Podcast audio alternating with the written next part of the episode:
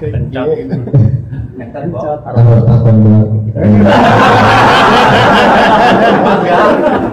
wis ana.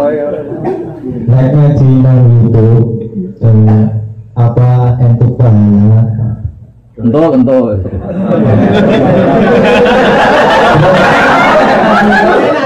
apa syaratnya bisa nyambung Bisa, bisa. Sanat itu gini loh ya. Saya sering dapat pertanyaan sama dari Cilacap. Siapa namanya? Gunawan. Oh bagus. Gunawan tuh manusia ada gunanya. Iya kan? Orang kaya jutawan kan gitu. Tukang pewarta hartawan. Tukang ada gunanya. Maka kalau nyuruh sama ini, ini gunanya banyak. ya semuanya yang nyuruh pakai ini aja. Pasti gunanya banyak. Jadi orang kalau kaya jutawan, pewarta wartawan. Ya. Kalau orang kelayaban bisa lawan wisata, tukang kelayaban kan. Jadi apa? Lawan. Kalau banyak gunanya, kalau banyak masalah, masalah. Begini ya, jadi ngaji saya di YouTube itu dari awal sudah saya ikhlaskan lillahi ta'ala. dan otomatis secara sanat itu tersambung. Yang ada syarat ketat itu kalau mau jadi mufti. Ya, jadi apa? Mufti. Mufti itu orang yang punya otoritas menghukumi halal haram, syarat tidak sahnya sholat atau syarat sah tidaknya nikah itu nggak boleh hanya sekedar ngaji di YouTube. Tapi kalau syarat ingin tahu kebaikan sudah cukup. Karena kebaikan itu ma'ruf, mudah dikenal oleh A. Jadi kalau syarat-syarat yang ketat harus ketemu gurunya, ngaji lama, terus akhlaknya harus baik, apal Quran, apal hadis itu syarat untuk mufti, ya Pak? Mufti itu begini loh, fatwa sesuatu yang jelimet itu namanya mufti. Kalau sampean kan nggak perlu seperti itu. Pokoknya dengar ngaji saya yang bisa dilakukan dilakukan, yang nggak ditunda itu sudah selesai. Dan potongannya ya nunda semua. Misalnya saya ngaji, wajib gak orang nyaur utang? Ayo jawab. Tahu toh? Ditunda apa langsung? Ketika kangen keluarga wajib gak terus ingin pulang atau ngirimin? Tapi ketika ada tadi kantor cabang awas. Pikirannya mulai macam-macam.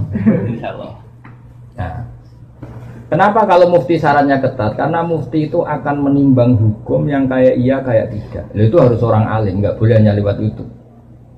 Saya beri contoh ya Mas Gunawan ya, kayak iya kayak tidak. Misalnya gini, saya beri contoh. Eh, kerja di Korea itu baik apa enggak?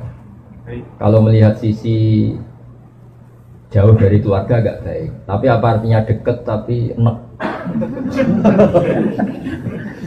enek itu raine ketok terus rezeki atau ketok.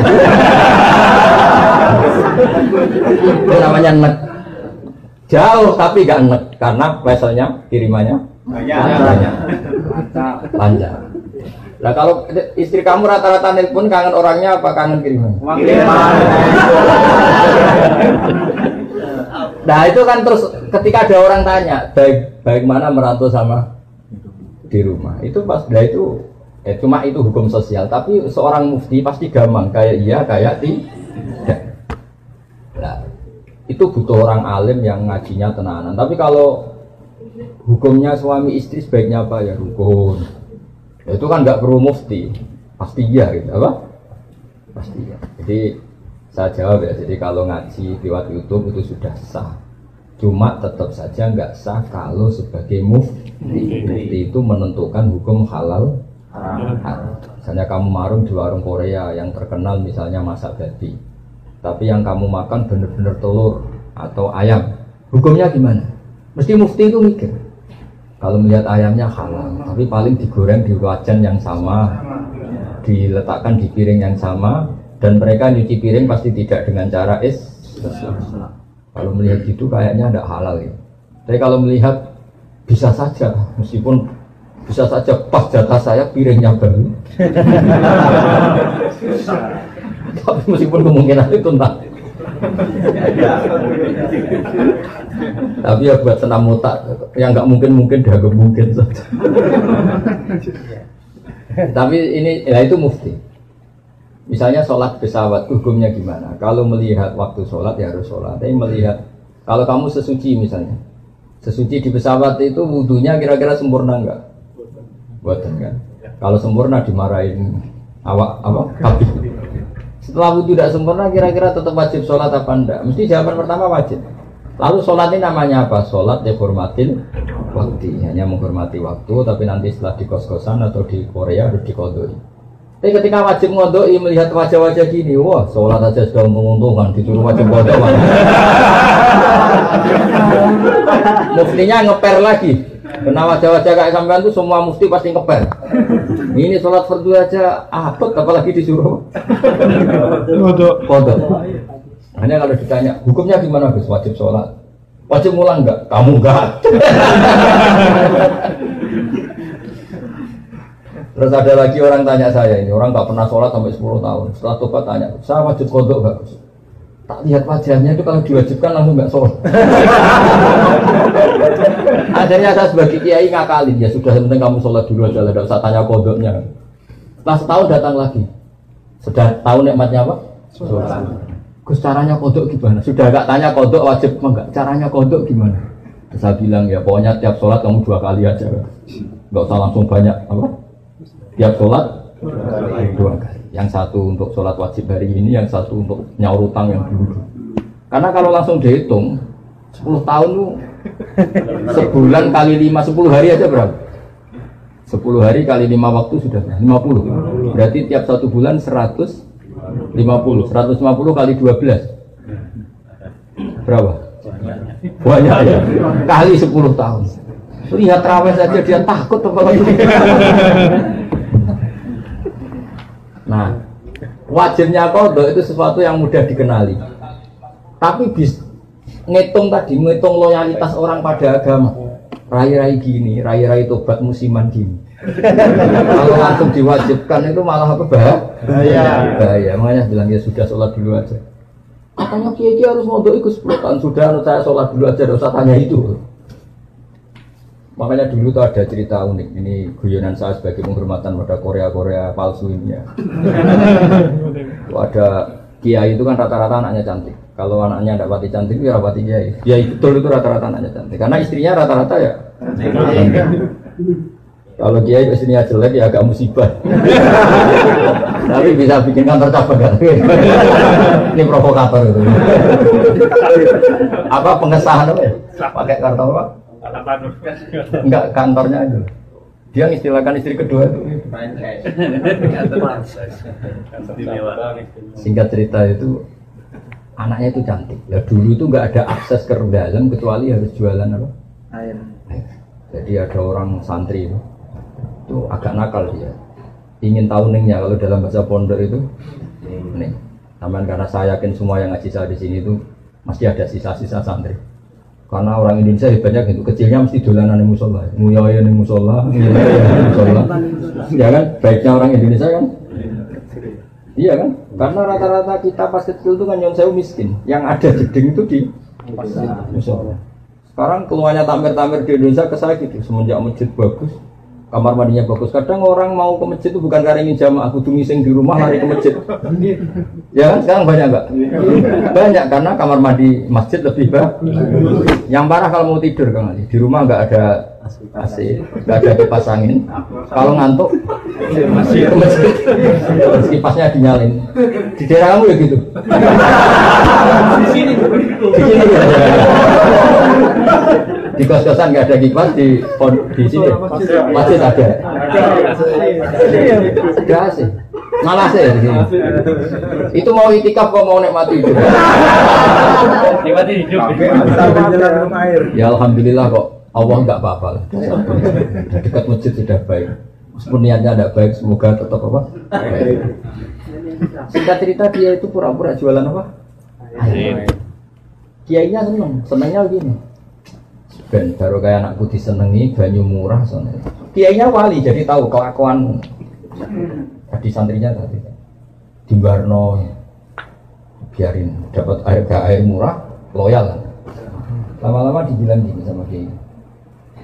Kamu seneng sama anak saya? Iya pak ya. Syaratnya kamu harus jamaah di depan 40 hari. Jam. Kalau itu selesai, nanti ke sini tak nikahkan sama putri saya. Oh semuanya bukan main. Dia jamaah terus di depan ini di masjid haram cerita ini di Mekah, nggak diserahkan nggak di. Jadi ini cerita kelas internasional bukan kelas apa? Setelah itu sholat semangat dia. Ya, syaratnya 40 hari di soft awal. Ya imamnya tentu imam masjid haram nggak masuk imam nggak ini. Kalau di sini nggak jadi wali 40 hari belum jadi wali. Ini di masjid haram yang satu sholat sama dengan seribu sholat ya sembilan rakaat. Kalau sholat di sini satu sholat kan benar-benar satu. Kalau di sana lipatannya kan berapa? Sepuluh ribu. Ada yang bilang semuanya ribuan, ratusan ribu, terserah hitungnya sampai. Empat puluh hari. Hari ke empat puluh selesai sama kiainya digandeng santri. Ayo nak pulang ke rumah saya.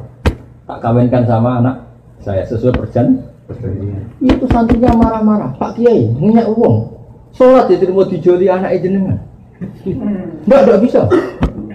Ternyata dia hari kedua, ketiga sudah ikhlas, tidak karena cewek tadi, tidak karena putrinya kita tadi. Ayo nak pulang saya nikahkan sama anak saya karena sudah 40 hari. Pak Yai, kamu menghina saya. Masa sholat nikmatnya seperti itu hanya hasilnya dapat putri jenengan? Enggak bisa. Sholat saya itu balasannya surga, enggak bisa. Enggak mau saya. Dari sholat untuk dapat cewek menjadi sholat nikmati kebenar. Makanya kalau kamu ingin kaya, tak suruh sholat hati. Nanti kalau sudah sering sholat, nikmatnya sujud, nikmatnya muasalah sama Allah, terus mulai berubah doa. Apa penting kaya apa enggak? Kalau kok masih ingin kaya terus berarti sholatnya masalah. Akhirnya nggak mau malah dikawinkan. Akhirnya kiai yang merayu-merayu dia. Sudahlah tetap jadi mantu saya karena kiainya kesemsem ingin punya mantu ikhlas. Sekarang ganti kan kiainya yang mati-matian kerayu supaya dia mau jadi menantunya. Karena ingin punya menantu. Bisa dibuktikan ya. Mau nyoba itu. Kebo. Dan contohnya ada harus Mekah. Misalnya Anda ingin kaya, dijajahi, disuruh so, sholat saja. Lama-lama nanti Anda akan mengmuhasabah, mengkoreksi doa Anda. Betul enggak, betul enggak. Nah, Anda suka cewek, mati-matian, cinta mati. Setelah kamu sholat, nanti mesti ada alamat. Ternyata mimpi gambarnya angin topan. Saya pernah punya teman, sholat istikharah. Gambarnya itu angin topan. Ya, mati ya itu jadi itu artinya wasta ini bisa beri karena kita tidak pernah tahu yang maslahat untuk kita itu ke depan itu apa kita tidak pernah tahu. makanya semuanya kita serahkan pada Subhanahu. Ya, mungkin sampean kalau hidup di Jawa karena tetangga roh kiai kadang rapati senang karena kadang jadi kawan tonggo. Tapi gara-gara di Korea melihat Islam gak hidup malah sampai jadi kiai. Kalau di rumah jadi kiai RT saja nggak ngangkat ya. tapi kalau di sini langsung kiai internasional iya kalau kiai di Indonesia namanya kiai lokal kalau sudah di sini